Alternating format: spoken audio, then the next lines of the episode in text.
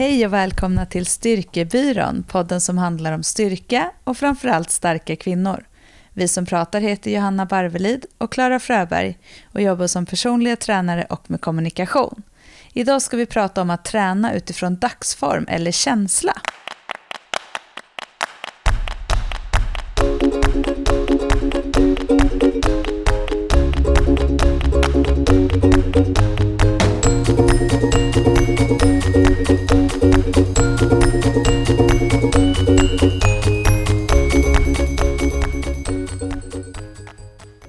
Har pratat förut många gånger om att kontinuitet är en viktig komponent för att få resultat av sin träning. Att följa ett program är ett hjälpmedel för det, men ett träningsprogram tar inte hänsyn till din dagsform. Hur tacklar vi det och hur kan vi tänka när det gäller vår dagsform? Vi kommer komma tillbaka till det lite senare, men först Johanna så tänkte jag att vi skulle prata lite om den utbildning som vi har varit på sen sist.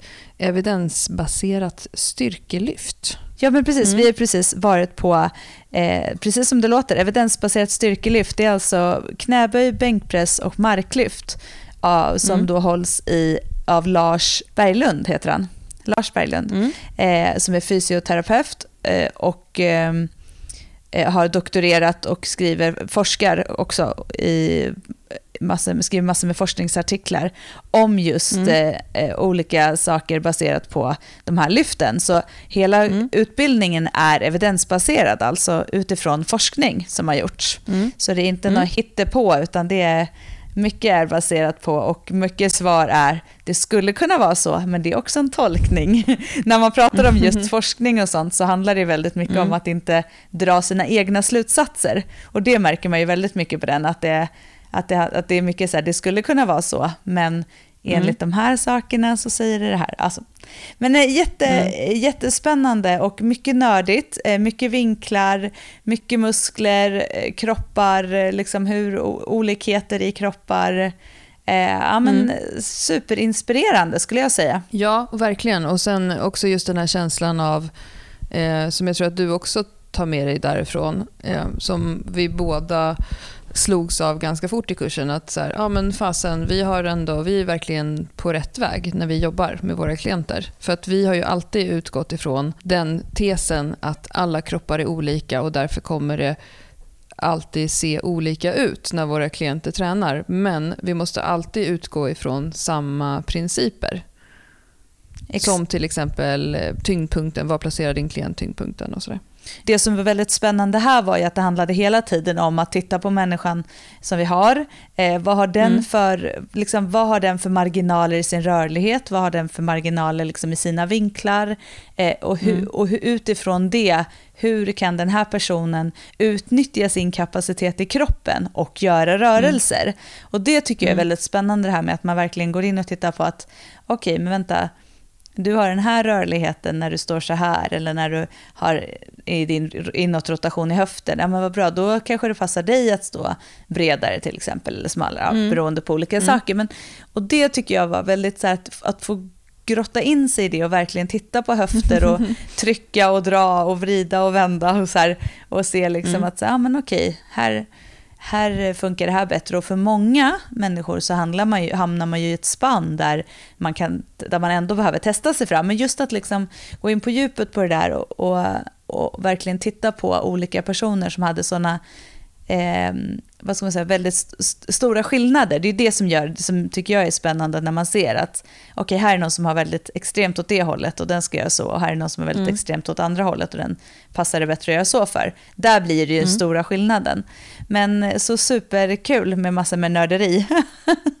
ja men verkligen. Och sen eh, just att hitta arbetssätt för det då. Att eh, metoder för hur jag ska utvärdera. Börja här, sen tittar du på det, sen tittar du på det. Att man liksom trattar ner saker och sen även att få nu fick ju också du framförallt eh, titta på sin egen, alltså alla vi som var med på kursen fick ju titta på vår egen teknik. Jag lyckades ju skära av med mitt pekfinger mellan lördagen och söndagen.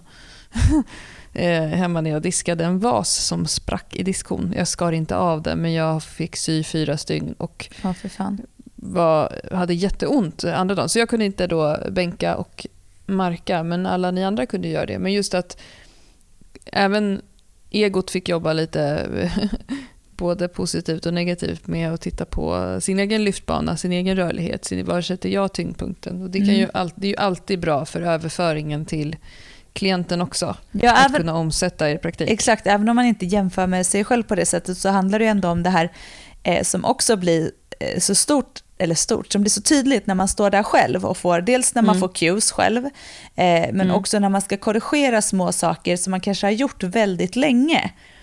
Alltså mm. när man ska till mm. exempel hitta en aktivering eller ett buktryck eller göra någonting och man ska peta på små detaljer som sitter mm. så liksom inpräntat i att man bara gör det. Det är ju mm. supersvårt. Men det är också väldigt lyxigt när någon är inne och petar på sådana små grejer för att för att bli starkare, för att kunna lyfta mer, för att liksom få bättre teknik, gynnsammare för kroppen.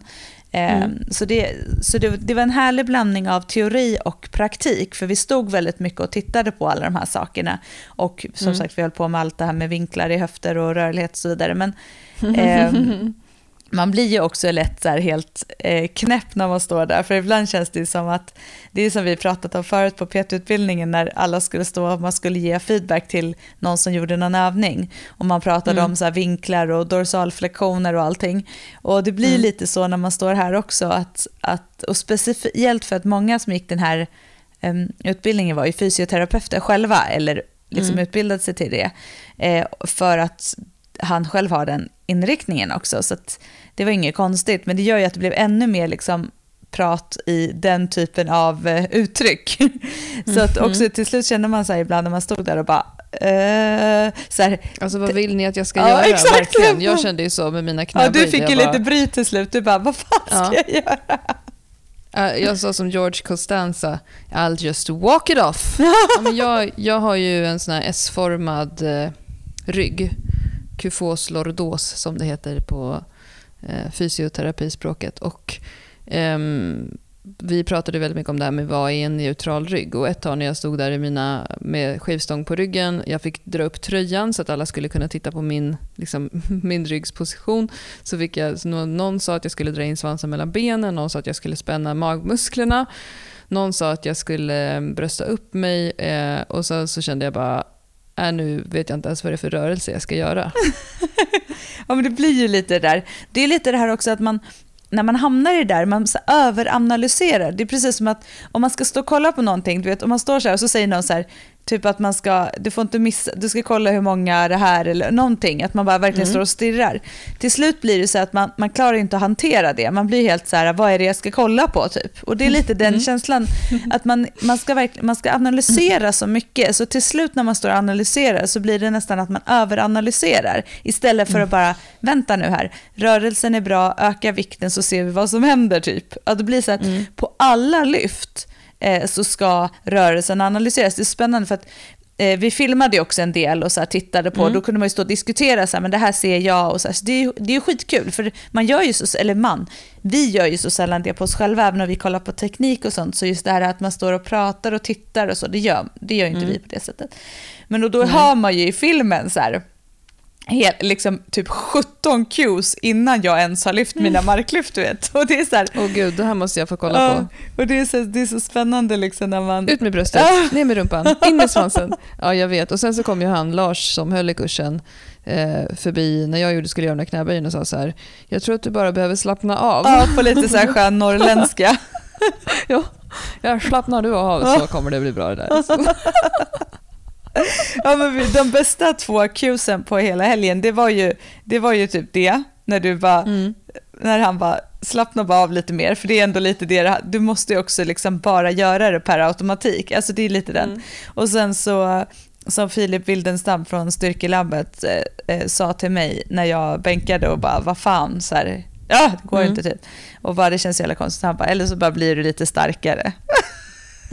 ja, men det är faktiskt det är också viktigt att ta hänsyn till det. Eh, att det är ju ofta en viktig komponent också. Ja. De flesta klienter som vi har behöver ju bara bli lite starkare. Det tyckte jag var en bra grej som han Lars sa när vi pratade om det här med du identifierar eh, ett ett liksom felaktigt rörelsemönster eller någonting hos din klient i en rörelse. Till exempel valgusering av knäna, att knäna faller in. är en jättevanlig grej som händer när folk böjer. Mm. Och då är det väldigt vanligt, så han, enligt hans tycke, att många fysioterapeuter fastnar då i att jobba med just knäna eller liksom rumpaktivering eller någonting. Att man isolerar, man hittar en isolerad rörelse som man försöker fixa problemet med. Mm. Men de allra flesta eh, klienter kanske egentligen bara behöver stå och öva på att göra knäböj. Mm, precis, och det pratar vi väldigt mycket om.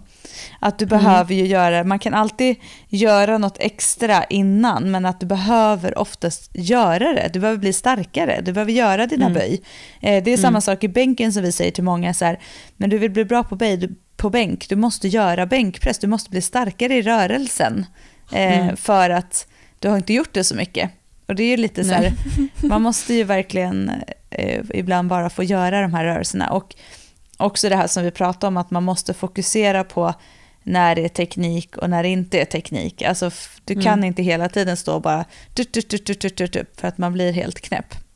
Mm. Men ju längre, det märks ju verkligen tydligt även på en sån här utbildning eller när man står på gymmet och jobbar eller är på gymmet och tränar. För jag är ju också på många såna här kommersiella gym och tränar. Att ju mer van, rutinerad tränare, ju mindre feedback muntligt ger ja. den personen. Ja, och men just jag tror att jag eh, jag försöker alltid att tänka så här, inte för mycket feedback, eh, utan mm. liksom ta, men ibland så känner jag ju själv hur jag bara, men gud stopp Johanna, säg inte mer saker nu. Och mm. det var verkligen någonting som jag känt nu bara på de eh, kunder jag haft efter den här utbildningen. Mm. Eh, vilket är ju kunder som jag haft mycket, så det var inte det. Men att jag verkligen, det tog jag verkligen med mig att så här, okej, okay, titta på rörelsen, en sak nu, ta den mm. saken, se till att personen i fråga förstår vad det är som ska förändras. Se mm. om det blir en förändring innan du går vidare med nya cues. För att det blir lite så också att gör man inte en rörelse tillräckligt många gånger så går det svårt också att utvärdera rörelsen. Alltså mm. om du bara gör några reps och så ska du utvärdera den och så gör du några reps till och så ska du utvärdera den igen. Det, är liksom, det mm. går inte, utan man måste ju se till att ha liksom, kött på benen för att kunna göra den här lilla analysen och rörelse förändringen mm. eller vad det nu skulle vara. Men, ja, men, exakt. men grymma verktyg just hur man kan eh, titta på vad, vad kan vara smart att börja göra förändringen om man ser någonting. Vart börjar mm. jag? Och liksom mm. lite vilken ordning bör jag göra saker? Och det tyckte jag var, det var en bra så här, checklista som, som, eh, som, att ha med sig tycker jag. Och den, den hjälper ändå väldigt bra i just de här basövningarna och att, att få lite struktur på feedbacken mm. om man säger så. Mm. Så, det... ja, så bra, den tar vi med oss rakt ut i gymmet, eller som du brukar säga, rakt ut i biceps. Ja, alltid rakt ut i biceps. Johanna, det var ju veckans roligaste kommentar på Instagram, måste jag bara säga. Att, eh, det här är ingenting med någon annan att göra, men det, det var ju personalmöte på gymmet i veckan och jag missade det eh, av olika anledningar. Och då hade vår mood manager, Reindeer Man, Eh, Hans Renman hade köpt bullar till alla och då skrev eh, Maja, vår kollega på Instagram, att så här, Klara eh, taggade mig på Instagram och bara det ligger en bulle till, till dig på gymmet senare. Och då hade ju du gått in och skrivit så här, det kan vara så att den bullen har åkt rakt ut i min biceps nu. ja. Men jag har ju också lovat att, eh, att investera i lite bullar till dig, så det ska vi nog lösa. Men alltså det var så jävla roligt. det kan vara så. Ja. Jag tycker att du, du förtjänade den bullen i din bicep. Jag, det är ingenting som jag går och sörjer. vi, vi har ätit många bullar ihop. Ja. Det var bara fruktansvärt roligt. Ja, men ja, ja. Det, bulle, är liksom, bulle är min grej. Liksom. Jag gillar det. Så riktigt smörig kardemummabulle med liksom så mm. sjukt mycket socker.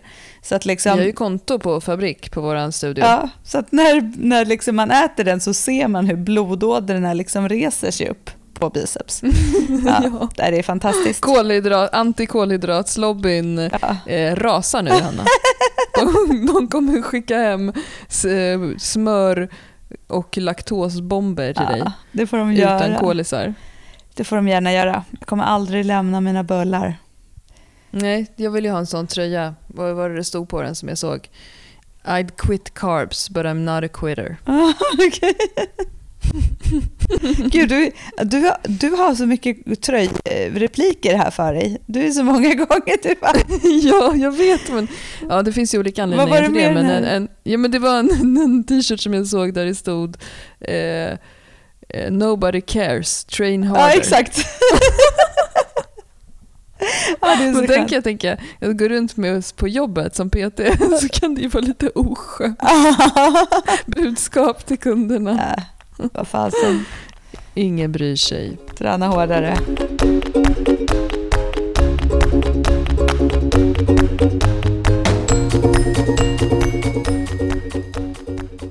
Elvi. Elvi. Elvi, mm, det låter, vad är det? det vad, vad är Elvi? Fråga nummer ett. Vad är Elvi? På A svarar jag. Nej men Elvi är ju vår lilla kompis nu som vi har fått eh, och ska utvärdera eller testa. Recensera heter det. Mm. Eh, det är alltså en digital knipkula som du mm. kan koppla till, eller som du kan, som du kopplar till en app via blå, mm. blåtande, blåtanden. Eh, på, så att det, det man gör då alltså är att man använder den här och man kniper och eh, då har man olika, så här, man kan liksom levla, man gamer och levlar i appen. Så att mm. när du gör olika, du kan göra olika banor och du kan testa då olika styrkeknip och uthållighetsknip och så vidare. Och så, så får du göra som ett litet test. Och så. Jag, har inte, jag, har inte, jag har bara läst lite, men jag har inte testat den. Men, men syftet är alltså att du ska kunna följa din utveckling och du ska kunna se att du levlar och att du liksom blir starkare i bäckenbotten helt enkelt.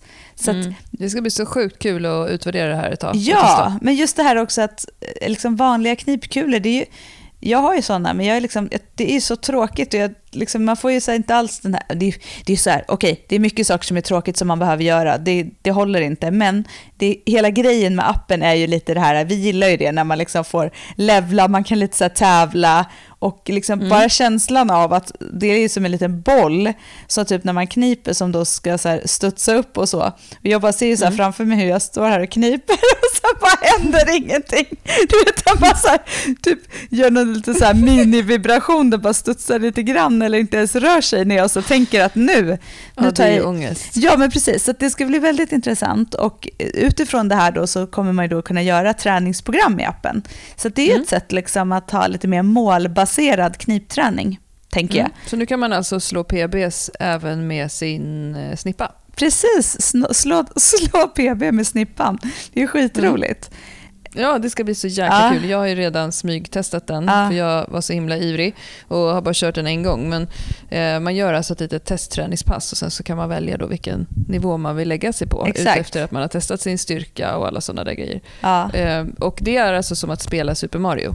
Ja, eller... eh, på, alltså som, som när vi var små, när man spelade Gameboy. När de så här, man hoppar på svampar. Och, ja. och så här, när det ramlar ner. Ja, och så ska man ner i grejer. Ja. Ja, så att man ser alltså, eh, fys alltså på skärmen, när man kniper, mm. då åker eh, en boll på skärmen upp. Vilket gör att den här bollen då hoppar på olika banor och mm. hoppar över hinder och under och håller sig över en linje. Och så. Det, här är ändå, att, att, det här är ändå ett ganska... All, tänker att det här kan vara lite kul att sitta på kvällen tillsammans. Kan jag och Anton sitta mm. och titta här hur mitt knip funkar? Det är skit. Ja. Det är ett bra sätt att prata om det i förhållandet. Om man tycker att det är lite jobbigt kanske det kan lätta upp lite knipet alltså. Ja, bäckenbotten. Exakt, vad gör, vad gör Johanna? Hon sitter bara och kniper lite. Ja, men det är ju jättebra. Och det är ju så här, bäckenbotten är ju en sån grej som use it or lose it. Verkligen. Det här måste man ju fortsätta med hela livet. Och om man då kan levla samtidigt och tycka att det är roligt istället för att typ sitta och spela, inte vet jag, vad spelar man nu för tiden? Jag vet inte. Telefonspel. Wordfeud. Ja. Nej, det gör man väl inte längre va? Det var väl lite Nej. back in the days. Ja, men skitsamma. Men, men det är ju kul att kunna levla liksom. Det är ändå kul. Mm. Det, här är, det, känns, det ska bli spännande att göra det här mm. och följa upp här hur det går för våra yes. levling, levlingar. Men, och, för våra bäckenbottensar. Exakt, och det är ju verkligen en sån sak som många tänker ju att man bara behöver träna bäckenbotten när man har gjort en operation eller när man har eh, fått barn. barn. Men så är det ju definitivt inte. Den är ju liksom som alla andra muskler i kroppen. Alltså, mm. Om vi inte tränar dem så kommer de ju inte bli starka. Det är ju liksom sanningen Nej. och det är så lätt att glömma bort. Ja, precis. Mm. Men eh, så nog om Elvi, vi kommer tillbaka om, till den. Eh, det är väldigt... När vi har kört ett tag. Ja, precis. Och så ser vi hur det går. När vi har blivit pansarsnippor. vi kör en sån här pingpongshow i Thailand då, nästa gång vi åker dit. Gud, Klara, nu tyckte jag att det gick lite överstyr här. Det är nog med våra moppefärder, men alltså pingpong, eh, nej, nu, nej, nu går vi vidare. Ja, nu går vi vidare. Ja. Ja. Välkomna tillbaka till podden om styrketräning. Styrketräning för hela kroppen. Ja, precis. Herregud. Ja. Ja, nej, skämt åsido. Johanna, idag har vi ju tänkt att vi ska prata om ett spännande ämne som vi har läst lite om när vi har nördat ner oss i hur de som faktiskt är bäst i världen tränar. Och har, vi har väl gjort en liten helt oforskningsbaserad, icke evidensbaserad analys. Att många av de som är starkast i världen, vi gillar ju att jämföra oss med dem, Ja, för vi definitivt. lite hybris. Ja, definitivt. De tränar ofta efter dagsform. Vad betyder det Johanna? Ja, men det är ju att när du har, du har ett program som du, eh, du följer en programmering, men att du baserar dina reps och set och vikter på Mm. Hur kroppen känns. Alltså om, man känner, om det känns bra kanske jag gör tyngre, färre reps eller liksom det är ju så jätteolika, men eller känner jag att jag är rätt sliten så kanske jag gör någonting helt annat för att eh, det kommer ge mer på kroppen. Eh, Mm. Ge mer, bättre input helt enkelt. Eh, så att just att istället för att när man kanske då har eh, sina sämre dagar, då kanske man i programmet har eh, sina tyngsta lyft till Mm. exempel. Eh, vilket gör att eh, du får ut mer av din träning om du kan istället ha dina sådana tyngsta lyft när du faktiskt känner att fasen idag är det sån jäkla power. Ehm, Mm. lite, liksom, lite att, man, att det är baserat på det helt enkelt, hur, hur formen är. Mm, att lyssna på kroppen. Ja. Känner du att du, eh, är du bra på det? Alltså både ja och nej skulle jag säga. Det är ganska svårt. Eh, Jag tycker att det är svårare nu när min vardag är, liksom, vad ska man säga, tre barn, skillnad i sömnen, alltså det händer så Mm. mycket mer, det är så mycket mer intensitet i mitt liv rent så här, Mm. hela tiden, kanske än vad Mm. det var förut. Så på så sätt så kan det också vara så här att svårt att avgöra vad som är eh, vad som är sliten, vad som är liksom bara att man behöver komma igång lite mer. Alltså, det är en Mm. avvägning och jag tror att man behöver också vara rätt van att träna för Mm. att kunna känna det där och hitta det där. Eh, och Mm. att det, för det är också lite det här, när blir det att man bara kanske är lite lat eller känner efter lite för mycket eller känner för lite. Mm. Liksom. Men så Mm. jag försöker att tänka så att när jag känner så här, men fasen idag känns det riktigt bra, men då kan, då, jag vet ju ändå hur jag, hur jag ligger och hur jag jobbar lite i min programmering, så då kan jag göra så att ja, men idag går jag på och jobbar de här lite tuffare till exempel, för idag känner jag jäkla, att det känns jäkligt bra. Inte att jag ska Mm. gå upp och maxa eller något, för det behöver man inte göra bara för man känner power. Men att man just eh, tar sina tyngre lyft då, och när man inte alls känner sig så stark så kanske man har lite eh, lättare och lite mer fokus på tekniken. Då. Eh, så Mm. man kan väl säga så att man har ju en grund, ett grundprogram som man följer, men att man kanske varierar lite eh, sin, sina sätt och reps utifrån eh, formen. Så det är kanske inte så att man bara så här, helt går in och bara kör helt random ett annat pass. Alltså, Mm. Lite så skulle jag säga att det är väl mer eh, det man kan tänka. Så att det inte alla, Ja. Annars kommer alla bara, oj jag följer ett program och nu måste jag börja tänka om och då ska jag inte göra mitt program?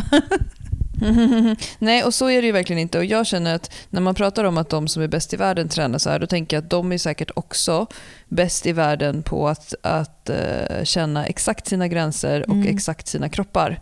För det är ju lite, och det, det pratade jag med en fysioterapeut på den här utbildningen om faktiskt, när vi pratade om eh, skadade klienter. Jag fick massa bra tips från honom. Tack till dig eh, Tobias som jobbar på Försvarsmakten. Fick väldigt bra tips för jag har bland annat en klient som har en hamstringsskada just nu. Så, där. så pratar vi om det. Ehm, men just det finns lite två, om man hårdrar det så finns det två eh, plus och minuspersoner på den här sidan där jag inte säger vilken som är plus och vilken som är minus. Men att det finns de som har svårt att pusha sig själva. Eh, som när man pratar om det här med kanske skador och smärta så är det sådana personer som är liksom, kanske till och med tror att själva träningskänslan är smärta. Alltså att det är någonting negativt. Och sen så finns det den andra personen som är den som pushar sig själv alldeles för hårt hela tiden och inte alls kan stanna upp och liksom lyssna på kroppens signaler. Och båda det här är ju två extrema varianter där de allra flesta ligger någonstans emellan. Men båda de personerna skulle ju ha svårt att följa ett sånt här typ av upplägg. För att antingen så gasar man hela tiden eller så, som du sa innan, inte att man är lat, men Eh, det finns ju många personer som tycker att det är lite läskigt till exempel att ta i. Och då kan det ju vara svårt att, att eh, eller snarare lätt att välja bort att göra det de dagarna som det känns lite sådär eh, trött i benen på något sätt. Ja, men jag tror också att jag har kunder som själva säger det, att liksom, de har, när de har ett program som de följer så är det ju också så att att det är en som en kick, liksom, att, eller så här, liksom en, en slag, det var lätt fel. Mm. Ja, men att det är lite så push just att komma iväg och göra de här passen som också är, som är tuffare, som inte är lika mm. roliga, men som de gör mm. för att de vill det, för de vill nå ett resultat. Och mm. där tror jag ändå att latheten kan spela in, att man känner efter lite för mycket vad, mm. liksom, om man orkar eller om man inte är, man är egentligen lite trött idag, men jag kör lite lättare. Att man hela mm. tiden hamnar lite i liksom the comfort zone. Att man inte Exakt. riktigt vill lämna den. Eh, och, det, mm. och vi behöver ju göra det för att få resultat också. Vi behöver få känna in kroppen och, mm. eh, och jobba lättare och jobba liksom lugnare och teknik kanske. Men vi behöver också eh, jobba utanför den där zonen och utmana oss och få göra de här tunga som är tuffa eh, mm. för att utvecklas i, i vår träning. Så det är liksom, man behöver ju alla delar, så det kommer ju inte bli de resultat man vill om man inte har alla delarna. Så det handlar ju just om att, att ha alla delar, men att kunna känna av när det är, eh, som, eh, när, det är, när det är optimalast för en själv. Men som sagt, ja. det, och det kräver ju att man har jobbat också. Man behöver ju ha jobbat igenom olika periodiseringar för att kunna känna det också. Alltså, mm. du behöver ju ha varit i tunga perioder, du behöver ha varit i lättare perioder, du behöver liksom, så här, förstå hur kroppen också reagerar på tyngre pass. Och hur de reagerar. Mm. Alltså, så det är mm. ju många faktorer som spelar in. Ja, verkligen. Och en, en, ett sätt att kunna komma igång med det här, tänker jag, är eh, dels att vara van att följa program. Så att man kan se just, ja men nu är jag inne på min tredje cykel av samma set och reps. Eh, och kan jämföra. Men också då just det här med att, som vi ofta pratar om, med att dokumentera sin träning. Och det behöver man inte göra i någon slags romanform. Att så här, sen gjorde jag det och då kom det in en kille på gymmet och han sa det här till mig. Och, alltså. Det behöver liksom inte vara i det upplägget utan snarare så här, idag gjorde jag 5 gånger 5 på 40. Eh, det var tungt. Mm, mm. Jag var trött. Eh, för att också kunna jämföra och utvärdera. Och vet man med sig att så här, de här perioderna på jobbet sa jag mycket. Um, det kommer att återspegla min träning. Eller, när det återkommer igen så kommer jag kunna ta höjd för det på ett annat sätt. Eller ja, men här var barnen sjuka eller, och så vidare. Men det är ju ändå intressant att se att eh, sådana personer som tävlar på elitnivå eh, och som också är väldigt starka och duktiga faktiskt också tar väldigt mycket hänsyn till dagsform. För att många, upp, tror jag, har uppfattningen av att en elitidrottare att det är en person som oavsett hur det känns, oavsett vad som händer så går jag till jobbet och gör min träning för det är mitt jobb. Exakt. Och liksom, exakt. Just det här, eh, det, det är inte riktig träning om det inte liksom också är jobbigt. Mm, exakt, jag tror verkligen det.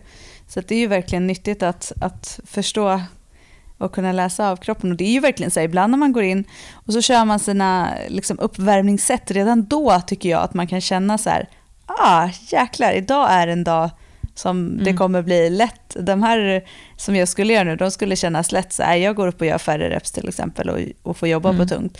Och ibland känns det bara så här, åh herregud, det är fortfarande uppvärmning. Det känns som jag jobbar på mina liksom, mm. arbetssättsvikter nu, fast jag har, borde ha rätt långt kvar. Eh, mm. och, och, så måste det också vara. Det är ingen som kommer ha, som du sa, inte ens elitidrottare har ju ständ, är ju inte, är liksom, kör ju inte maxat hela tiden liksom, med de tuffa passen och, och tuffa vikterna. Liksom. Nej, och det, men det där är också, det som krävs är ju också att, det är också en jättevanlig fråga som du och jag får när vi ger ut träningspass för våra grupper. För vi ger ju sällan ut procent. Nej. Eh, att så här, kör på 80% av ditt max. Därför att vi ans de allra flesta som kommer till oss har inte lyft regelbundet i två år och vet exakt sitt max.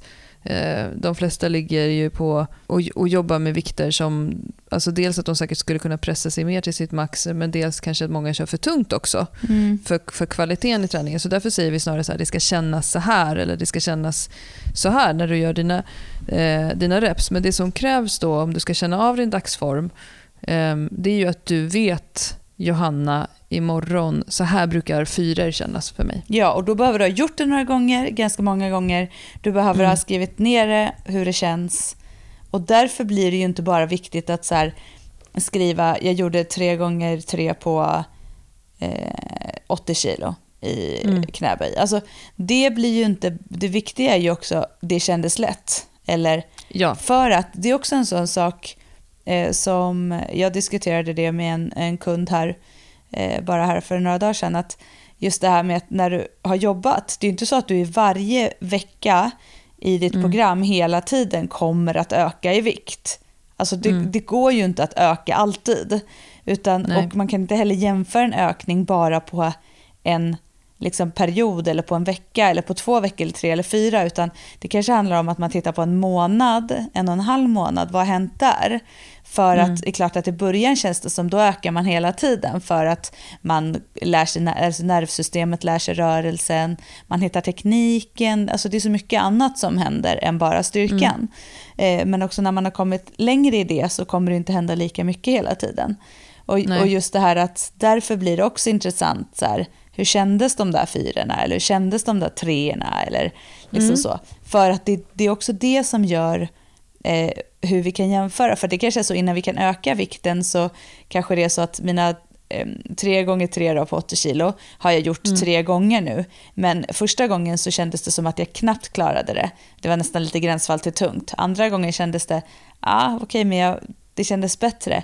Och sista gången så kändes det som så här, men tre gånger tre på 80 nu, det var ändå så här, jag hade nästan kunnat gjort ett sätt till. Alltså, det är ju mm. lika viktigt när man ska utvärdera och det måste man ha med sig då när man ska kunna göra på känsla, att eh, veta mm. den skillnaden också.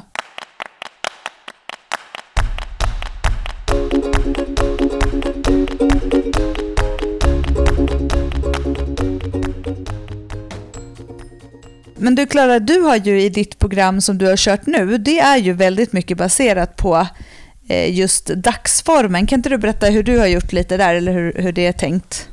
Ja, men jag har kört ett program som inte bara har varit baserat på dagsform utan också på att det både ska vara hastighet, eh, explosivitet, speed training och maxstyrka samtidigt.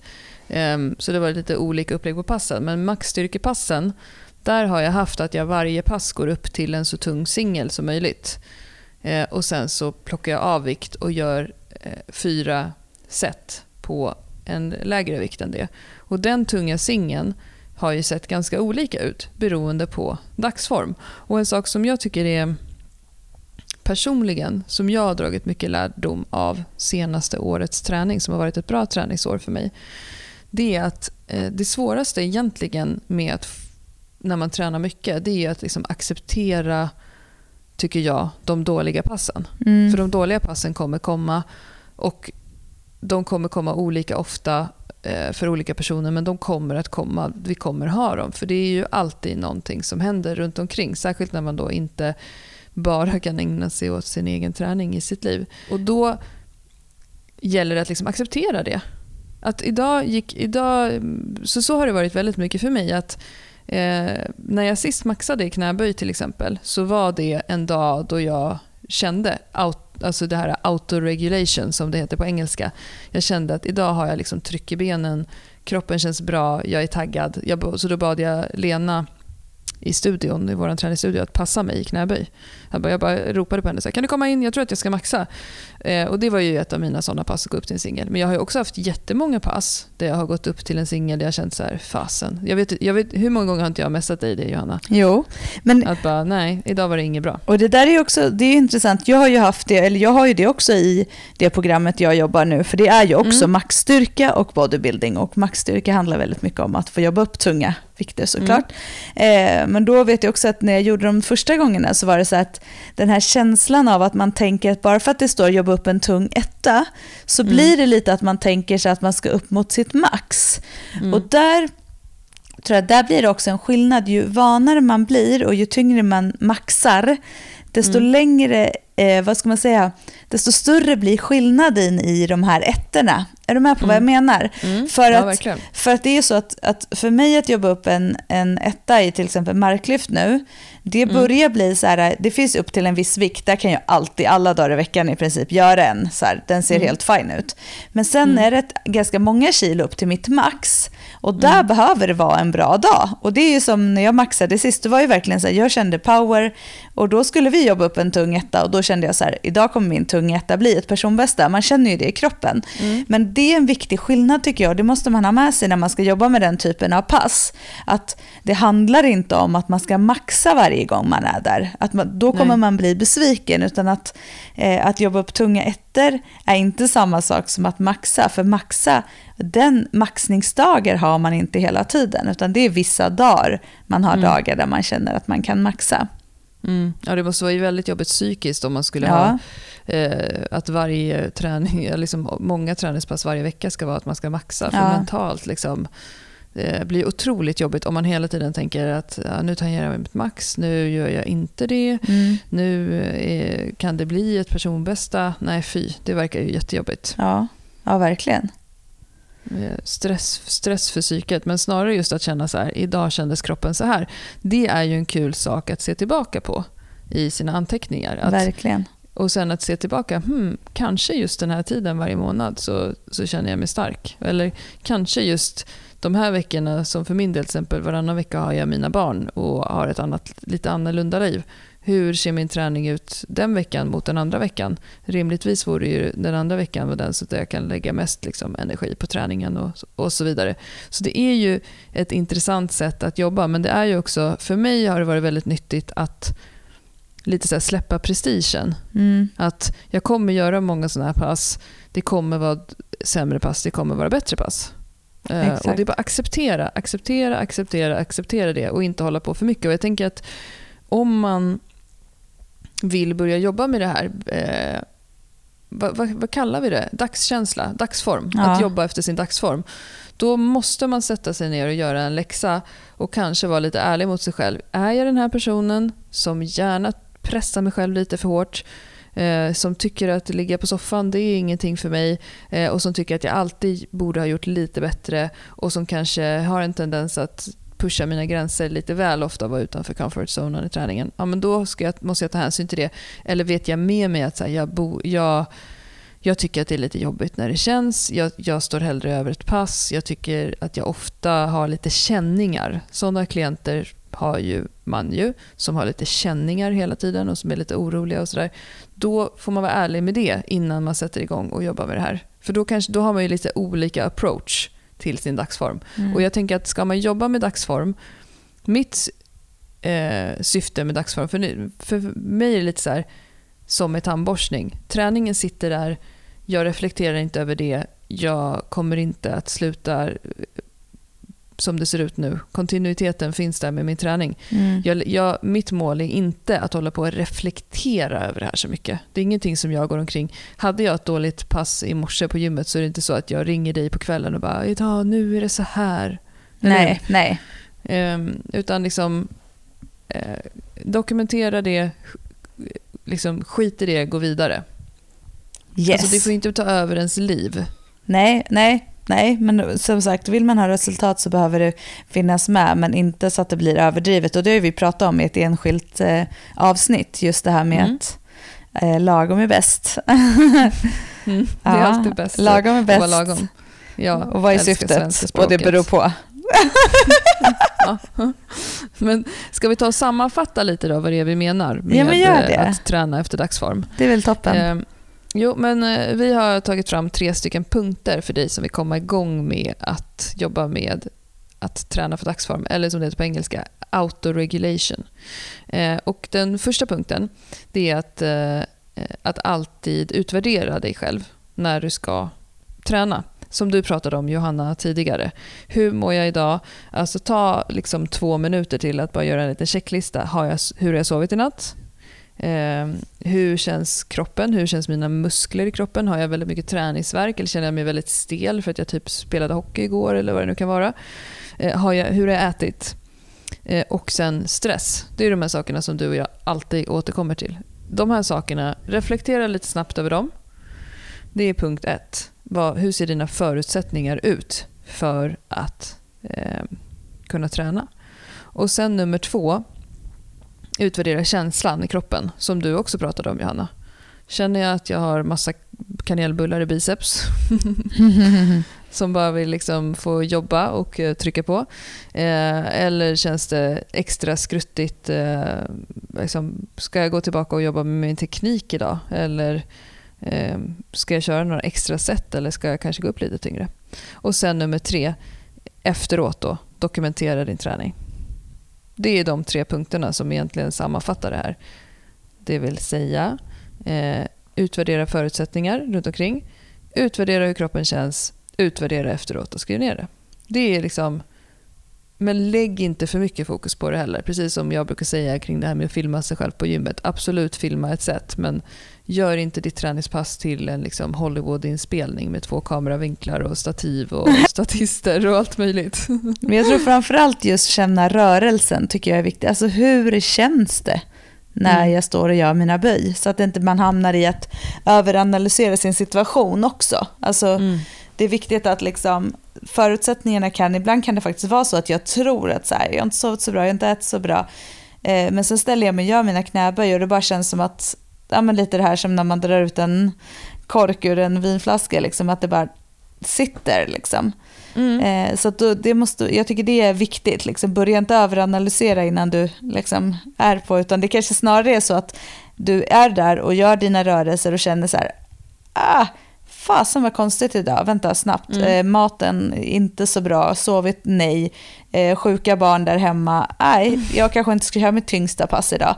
Så att det inte blir mm. att man liksom börjar överanalysera för mycket som du sa, att, mm. att det verkligen handlar om att eh, det ska inte vara någon stor grej som ska ta upp ytterligare ett stressmoment i ens träning. Liksom, utan... Exakt, det ska ju snarare underlätta och göra att man känner att man kan prestera sitt bästa. Ja, och att man får ännu bättre resultat av sin träning. Eh, men du Johanna, vilken tränings... Eh, alltså, vad längtar du mest efter att få gå och träna just nu? Knäböj. Mm.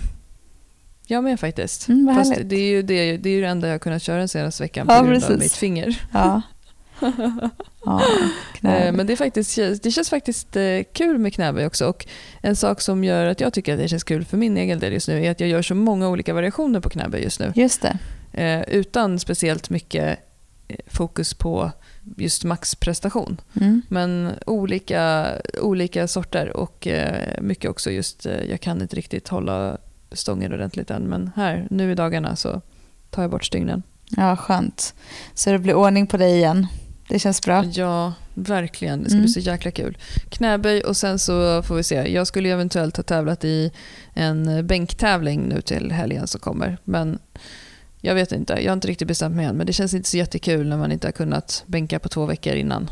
Nej, för det förstår jag. Det är mm. klart. Det, och det känns också så här, du vet ju inte ens om du kommer kunna gripa tag i stången ordentligt. Och, alltså det är så många saker som blir... Jag vet inte ens om man enligt reglerna får ha, alltså släppa ett finger på Nej. en tävling. Det måste jag kolla upp. Mm. Det får jag.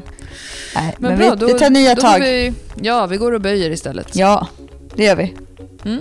Vi hörs igen om en vecka. Ja, men det gör vi. Knip så länge då. Ja, ha det bra. Tack för att ni lyssnar. Hej då.